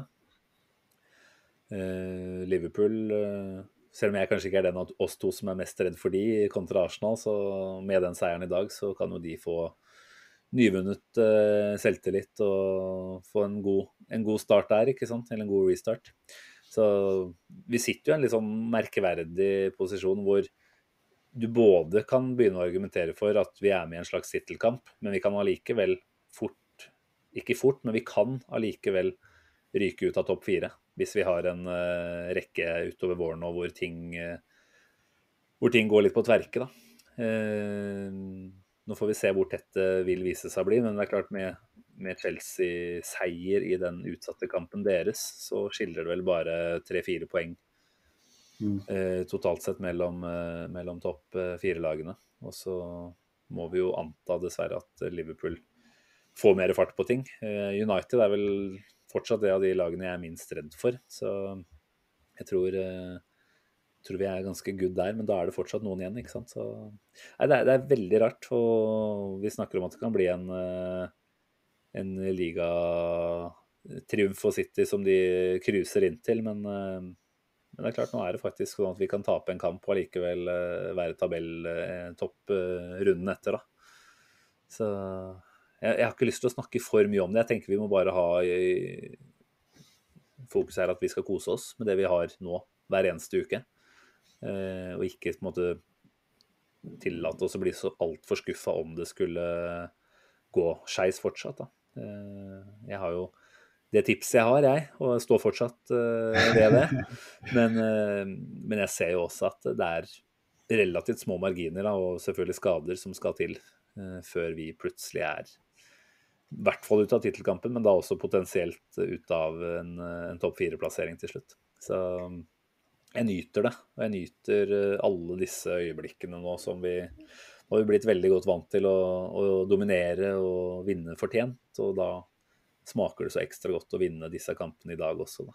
Så det er jo spilt ti kamper. Da er det definitivt lov til å se på tabellen. Så den syns jeg folk skal kose seg med. Gjerne screenshot og terge kompisen eh, eller venninna på jobben litt. ikke sant? Sånne type ting. Men eh, men vær også obs på at dette her fort kan smelle tilbake igjen, altså. Ja, nei, men eh, jeg støtter egentlig det. Jeg har ikke lyst til å snakke om det. Og, men jeg har bare lyst til å liksom spørre Hvis ikke vi er tittelutfordrer til Manchester City, hvem i helvete er det da? Eh, sånn sett kan vi jo kan det bare innkassere med en gang. Så får vi se, da. Eh, kanskje, så, så kanskje vi... eierne blir tatt for noe snusk og blir eh, fjerna fra ligaen. og da, Vi må bare stå i det og se hvor det tar oss. Men, ja, eh, men kjapt da, bare til det, som du, altså, vi har snakka om det før. Hvis vi ligger her altså Nå kan du begynne å si at det er en relativt eh, god sannsynlighet for at Arsenal topper tabellen før VM. Eh, eller ved mm. VM-pausa. Det er klart at det er et signal til eieren om at dette her må vi forvalte på best mulig måte. Eh, og Arteta har jo vært kjempeærlig på at eh, stallen var for tynn før sesongstart. Det kommer vi sannsynligvis til å se kanskje beviser på nå de neste ukene også. Eh, da tenker jeg at den posisjonen vi er i nå, den kan vi ikke la bare ja, skal vi si, fordufte mellom fingrene våre. Vi, vi må jo faktisk gjøre et reelt forsøk på å styrke oss og være så solide nå i troppssammenheng at, at, vi kan stå i dette her da, og faktisk gi det et real push da, utover uh, mm. sesongen. Uh, det blir veldig spennende å se hva vi gjør 1., 2., 3., 4. januar. Uh, for da, da, håper jeg og nesten forventer at det ligger, ligger et, par, par, spillere klare. Men vi, vi, skal snakke mer om det når det er VM i. Ja, før vi går endelig videre, så, så, glemte vi egentlig å snakke om en ting fra, fra den straffesituasjonen. Um, vi fikk jo et uh, spørsmål Det var jo en uh, Lars Lunde som har stilt flere gode spørsmål i dag. Uh, han spør hvorfor går VAR langt tilbake for å annullere 1-0-målet vårt mot United. Mm. Og så gidder ikke ta offsiden til Leeds i forkant av straffesparket. jeg tenker jo at den United-kampen den har vi snakka nok om, og den situasjonen har vi snakka nok om. Men det er jo interessant å spørre deg, Simen. Hvorfor i alle dager blir ikke den offsiden tatt når den er i samme sekvens? Nei, Det skjønner jeg ikke. Det skjønner jeg definitivt ikke. Er der er vi rett og slett fucked. Eh, merkelig. Eh, jeg vet ikke om hva som står i reglene i disse dager. Jeg mener å huske at den United-situasjonen eh, kom vel mer umiddelbart i etterkant av en forseelse. Men eh, da var jo ikke den situasjonen i seg selv klar nok. Men som du sier, vi trenger ikke å snakke om det. Men men en så klar og tydelig offside som dette her, som åpenbart får innvirkning på, på hva som skjer videre i det angrepet, det har ikke jeg noen god forklaring på. Jeg vet ikke om det har vært noe forklaring fra dommerne heller. Den, jeg tror både du og jeg har hatt litt å gjøre etter kamp i dag, så vi har ikke fått, uh, fått uh, researcha fram til noe sånt. Men uh, jeg er helt enig med lytterinnspillet her om at det var merkelig at ikke den blir, blir tatt. Fordi den gikk vel på eh, den, altså no, Før de dømte eh, straffa der, så gikk vel den eh, situasjonen også og ble, og ble filma på VAR, gjorde den ikke det? Mm. Så, jo, jeg så jo den vi før, før straffa ble tatt. Nei, jeg, jeg, jeg, aner ikke. Jeg aner ikke, faktisk. Men uh... Så Vi snakka om at VAR funka i stad. Uh, det gjorde den jo åpenbart ikke her. Uh, Sånn at uh, Det er et lite, lite, mysterium. Vi får se om Edvardsen nok er på banen på Twitter i løpet av, uh, Nei, løpet av et par dager. Han melder jo fem, altså, Han har rett iblant, og så er han jo helt ute å kjøre iblant òg. Ja, jeg er enig i det. Altså, men det er, jo, det er, jo, en gjeng med dommere både inn, inn, og utland som er ute på Twitter og mener ting. Så får vi se hva summen av det blir. Eh, for meg så virka det åpenbart som en offside. Eh, Sant, ja. og hadde de scora på den, så er det sikkert det vi hadde snakka om nå, mest. Mm. Det er jo sånn det funker. Mm. Um,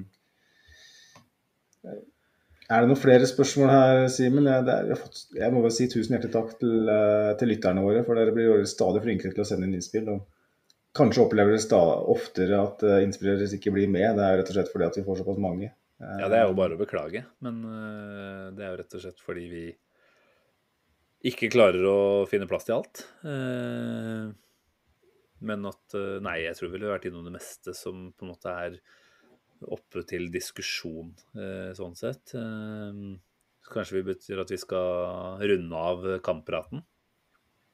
Jeg tenker det er greit, det. Um, og kanskje se litt fremover uh, også. Uh, det vil si, vi rekker nesten ikke å se fremover før vi må se bakover. Sånn har jo oktober måned satt opp. Uh, det er jo kamp hver tredje dag, og PSV på torsdag. Eh, Southampton på søndag, og sånn går det. Eh, hadde vi noen spørsmål om nettopp det, Simen? Det var vel Eh, et spørsmål fra Jonas Lundsvold her, var det ikke det? Jo. han skriver egentlig bare at han håper Arteta hviler spillere mot PSV og ikke setter inn mot slutten. Det er en vanskelig avveining, altså. For det, dette er et gruppespill nå som, eh, som vi bør prøve å få avgjort eh, så fort som mulig. Eh, Mm. Det er hjemmekamp. Jeg tror det betyr at altså det vil bli en del, eh, en del eh, roteringer, rotasjoner. Er det, heter det det?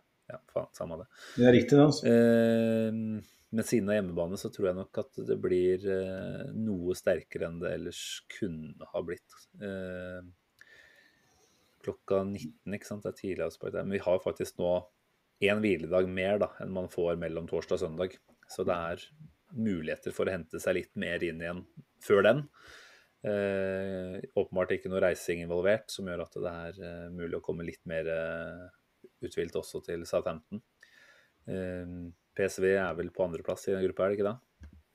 Og, Ja, de har vel eh, full pott med unntak av den Bodø-Glimt-matchen på hjemme. De avga poeng hjemme mot Bodø-Glimt. Det er vel kanskje redningen for oss, Ja. for det, de ser ganske sterke ut. På den annen side så skulle du jo for så vidt kunne si at det samme skulle jo gjelde for PSV òg. Altså har de Nå har vel de spilt kamp i dag, antar jeg også, da, siden de har torsdag-søndag-rytme.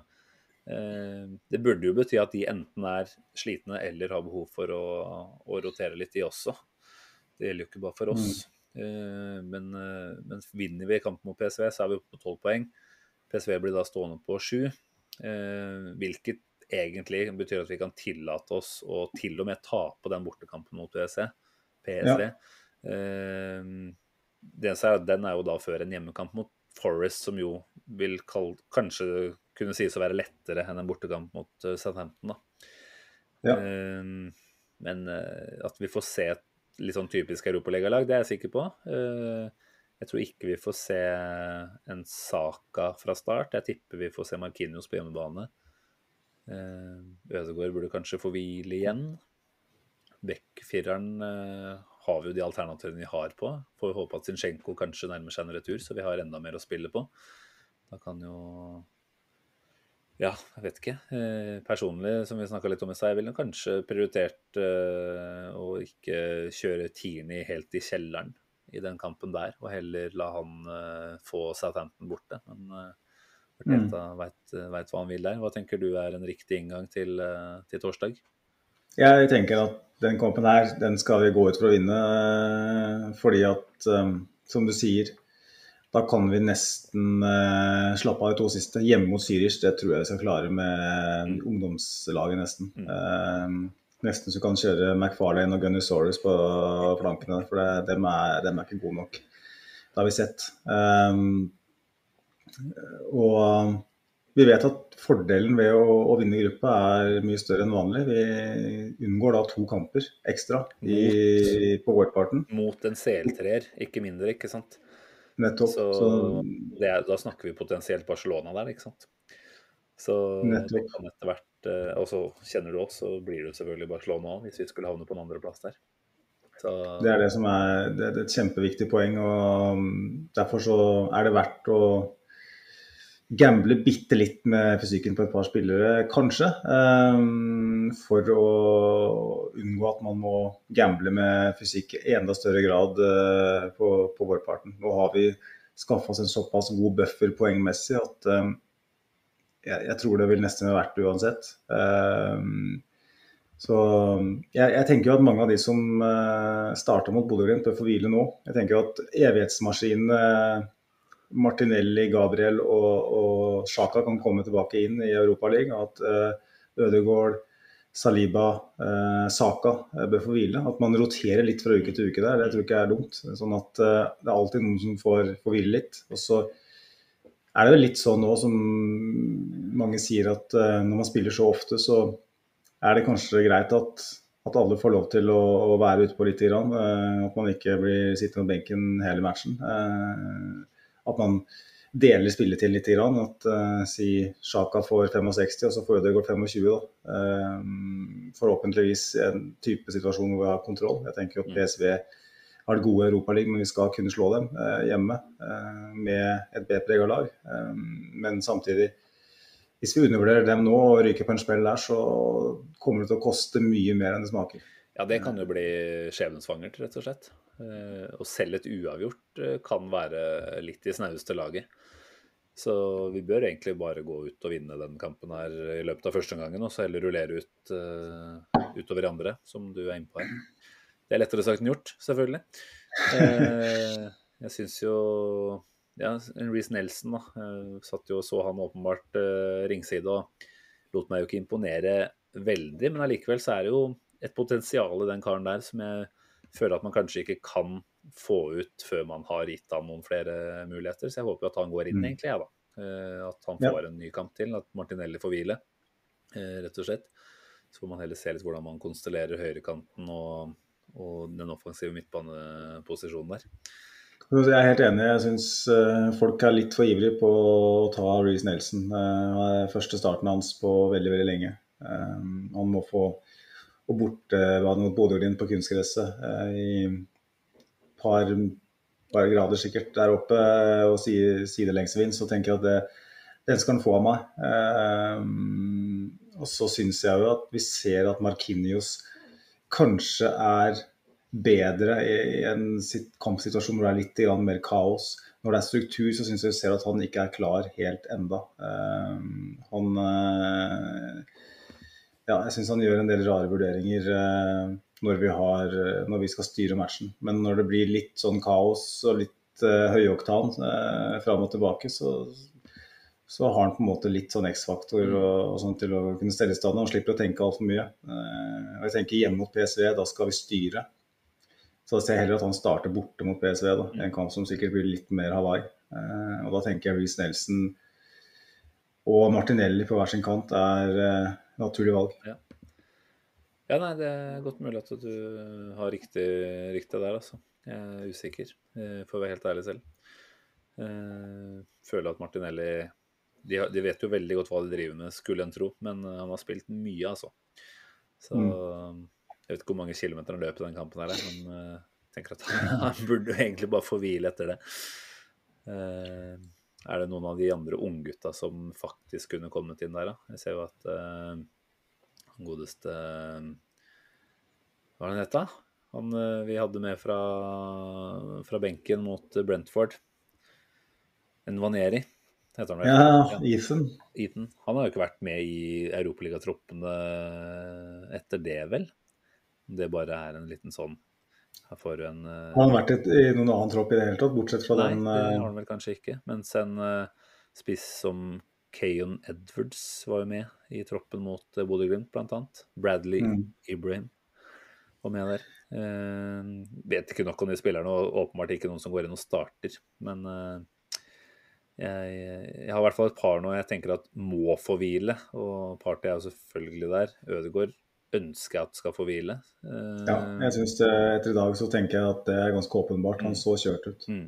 Og så, ja, Saka spilte ikke hele i dag, men han spilte en time mot Bodø-Glimt. Uh, og han er viktig på den høyrekanten der. Men uh, Nei da. Det er, eh, det er som Arteta sa selv, altså det, vi begynner å kjenne kjør allerede nå.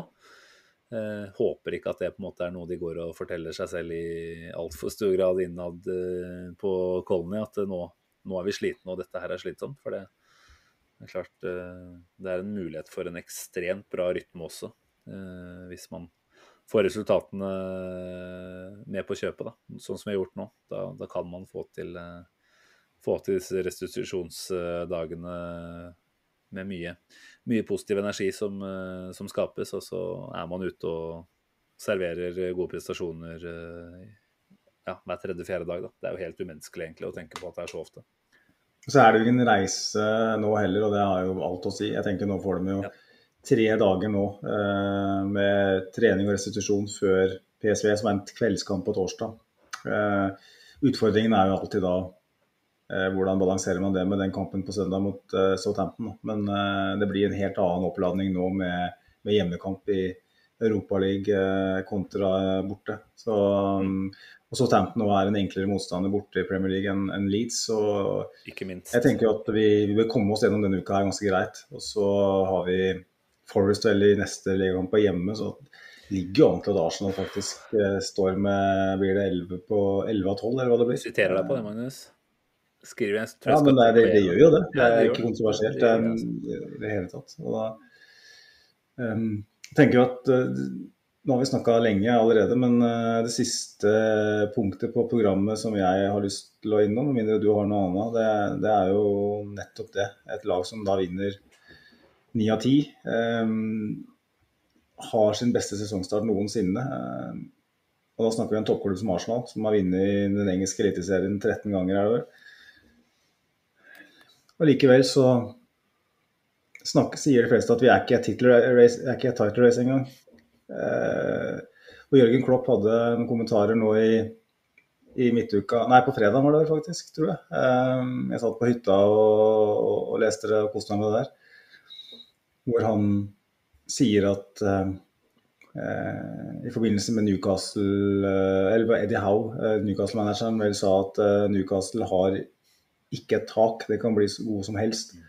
Hvorpå Jørgen Klopp sier at uh, enkelte lag har faktisk et tak, hvor han refererer da til at statseide klubber da kan bare gjøre så mange blemmer og feil på overgangsmarkedet som, som, de vil, uten at det har noen konsekvenser. Mens, mens, Liverpool, da, som faktisk har vært med å utfordre Manchester City, ikke kan holde på sånn. Og det som irriterer meg litt, er at han, han burde jo egentlig starta med det her det, det øyeblikket Liverpool vant ligaen. Godt poeng. For nå blir det ansett som sutring, selvfølgelig. Men det er jo ikke det. Det er jo ikke sutring. Nei, det er jo ren fakta. Han har jo så utrolig rett, og det er så deilig at han sier det. Eh, nå vet jeg at han eh, har ikke så høy stjerne eh, hos Arsenal-fansen etter forrige helg, men det driter jeg i. for det er Fantastisk å se at Jørgen Klopp tar bladet fra munnen mm. og sier det som alle er innerst inne vet, at det her er feige lag. Hva tenker du, Siden? Helt enig, og jeg er overraska over at han fikk såpass mye pes for det, egentlig. Altså, selvfølgelig, det er noe som Det er jo noe man sjelden setter ord på dette her. Som du sier, alle veit det, men det blir allikevel ikke snakka om. Eh, men det han sier, er jo kun ren fakta. Ikke kontroversielt i det hele tatt, egentlig, å melde. Eh, så syns det var eh, overraskende, men eh, jeg tror nok det er som du sier, det ble sagt fra et eh, ståsted hvor han jo har tapt mye. Eh, hvor Liverpool ikke har fått uh, fortgang på ting. Så jeg håper jo at han gjentar det etter at de nå vant i kveld mot City. Mm. Sørge for at dette er et poeng som får lov til å, å leve videre. Vi kommer nok dessverre ikke til å få høre Arteta si det samme, dessverre. Men vi vet jo hvorfor. Er åpenbare linker tilbake igjen til City. og Eh, ja, det er sånn sett vanskelig for han, vanskeligere kanskje for han å sette ord på det. Men eh, altså FFP, hvor er du? Ja. Det er eh, Hvis man virkelig ville fått bukt med dette, så hadde man jo klart det. Men, men det åpner jo mm. bare for at man lar dette her utvides, og det blir mer omfattende pengebruk blant flere klubber etter hvert som sånne type eiere strømmer til. I, vi får se hvor mange av de det eventuelt eh, ender opp med å bli. Men, eh, men, jeg ser jo at dette her er Det er noe som har pågått over så lang tid nå.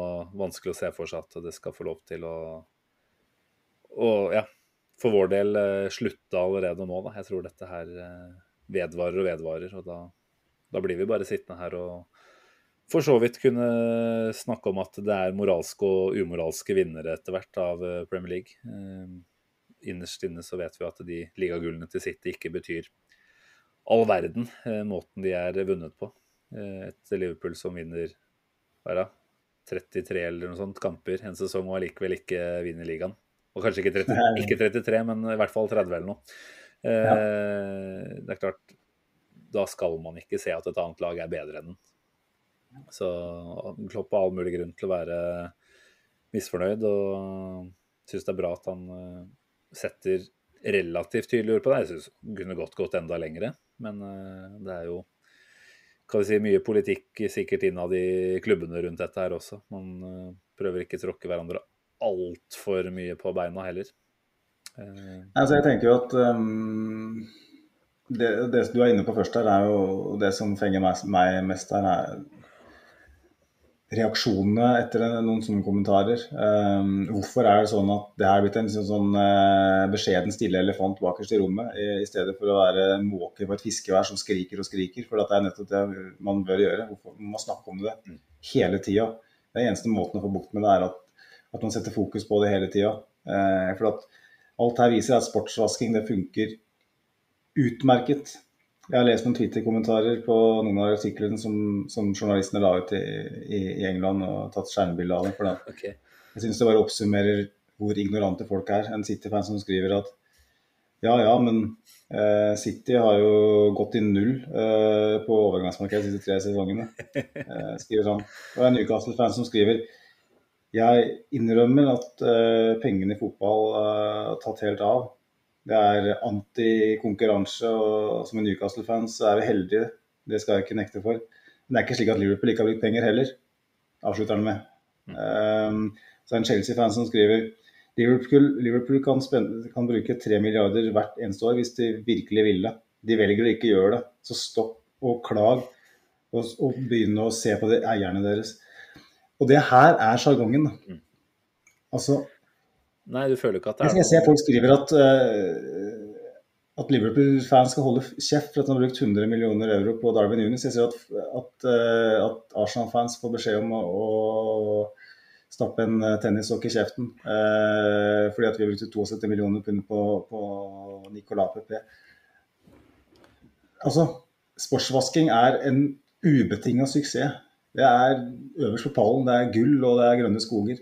Det har lykkes så utrolig godt for at folk har rett og slett sovna. Folk har rett og slett fått en hjerneteppe og en brain freeze helt uten like. Når jeg leser sånne kommentarer som det her, så har jeg lyst til å skrike. Jeg blir så jævlig forbanna. For at man, man, har misoppfatta poenget totalt. Da, for det, liksom, det handler ikke om hvor mye penger en klubb bruker innenfor en viss gitt tidsperiode. Det handler om hvor kommer de pengene fra, og hva betyr det for den klubben på en ettårsperspektiv, femårsperspektiv, tiårsperspektiv. Hvor mye må du satse for å kunne ja, altså lykkes? da? For Hvis Arsenal bruker en milliard på en fotballspiller, så må vi lykkes. Nå City går og bruker 100 millioner eh, pund på Jack Grealish så, og får kanskje en tredjedels valuta for pengene, så er det ingen som snakker om det. For det betyr nada. Hvis de går og henter Ali Dia, han Southampton-floppen, og får tre milliarder, så snakker vi ikke om ett år, for det betyr absolutt ingenting. At folk ikke forstår det her, det er det ultimate beviset på at sportsvasking eh, funker. og jeg Arteta han har dessverre jobba i City en del år, så det er litt vanskelig for han å skulle snakke om det. Men jeg håper at alle de som på en måte har moralsk kompass og som er i en situasjon hvor kan snakke om det, går ut nå i de kommende ukene og støtter Klopp. For det mm. her må vi snakke mer om. Mm.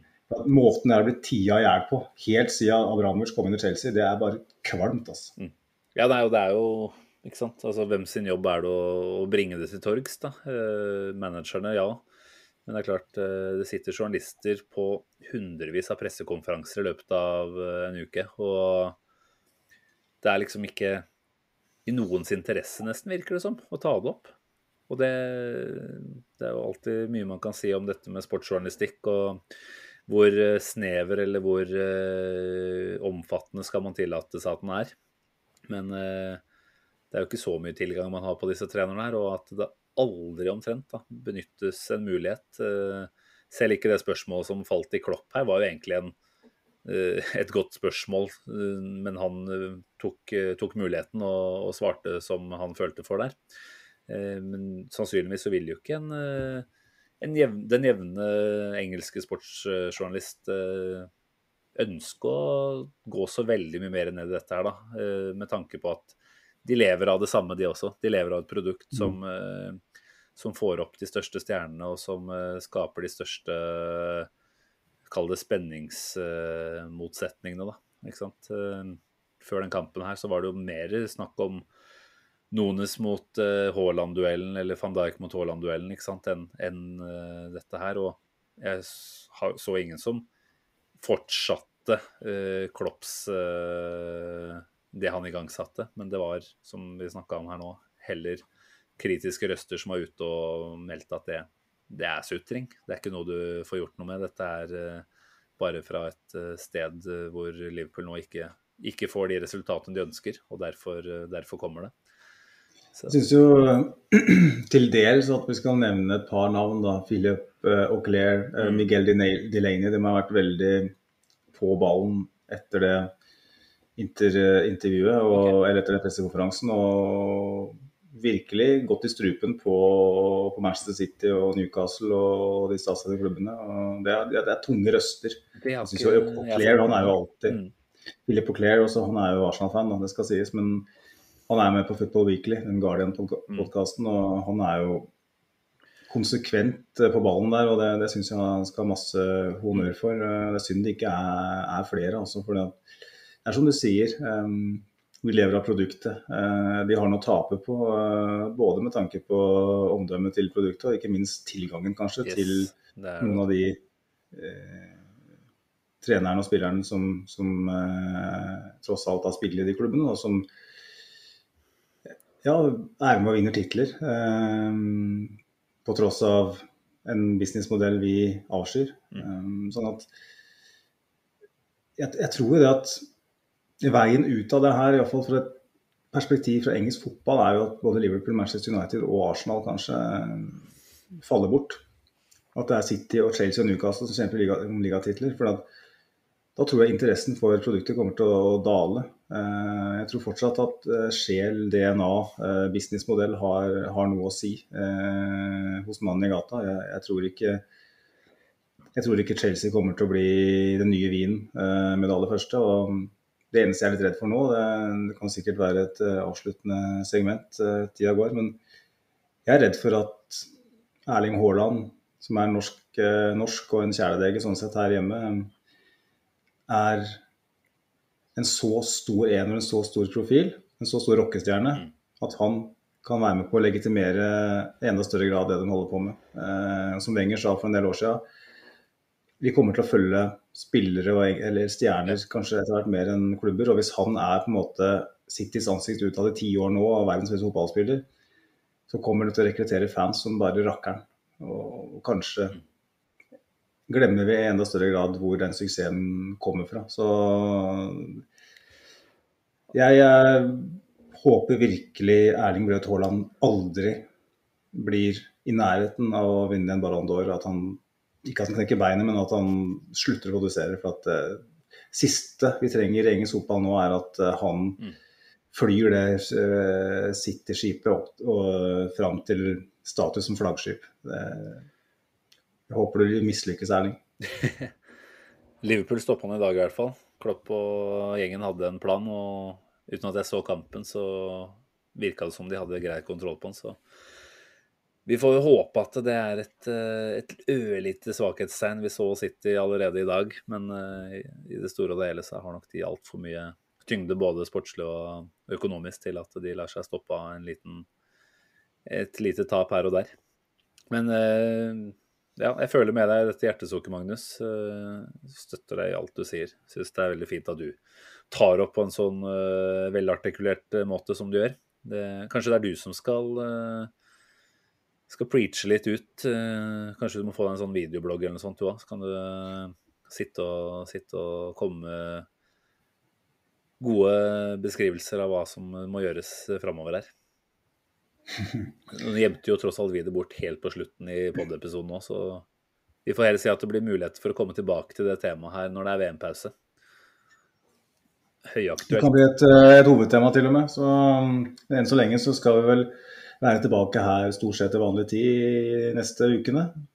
Det er jo utrolig rart eh, å ikke skulle publisere en eh, seierspod på mandagsmorgen, for det har vi gjort nesten hver uke nå i, siden august. Eh, Blitt veldig godt vant. Veldig godt vant.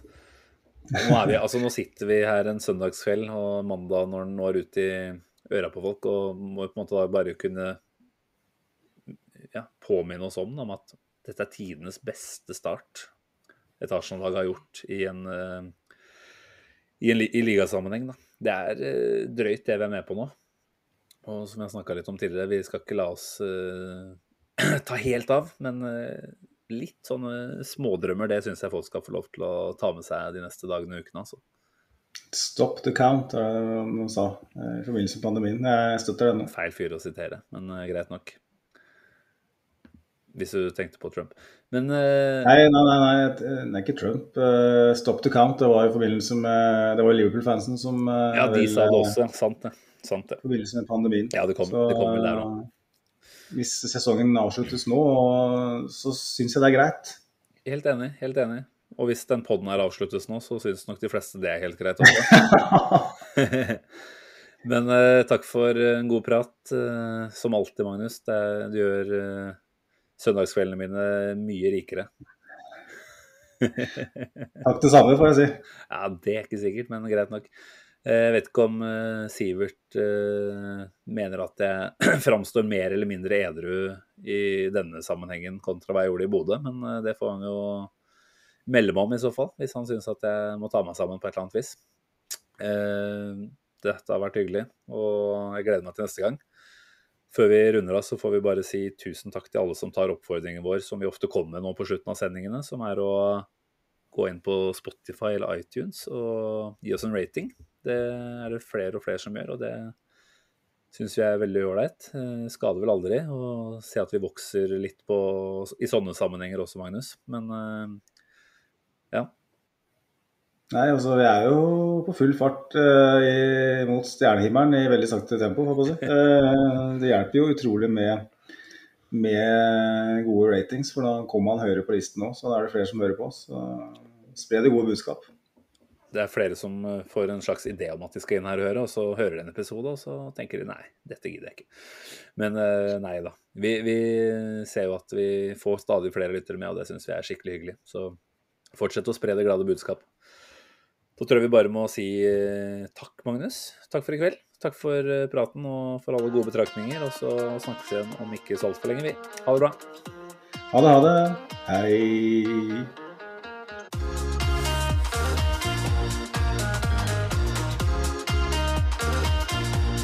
This train terminates here.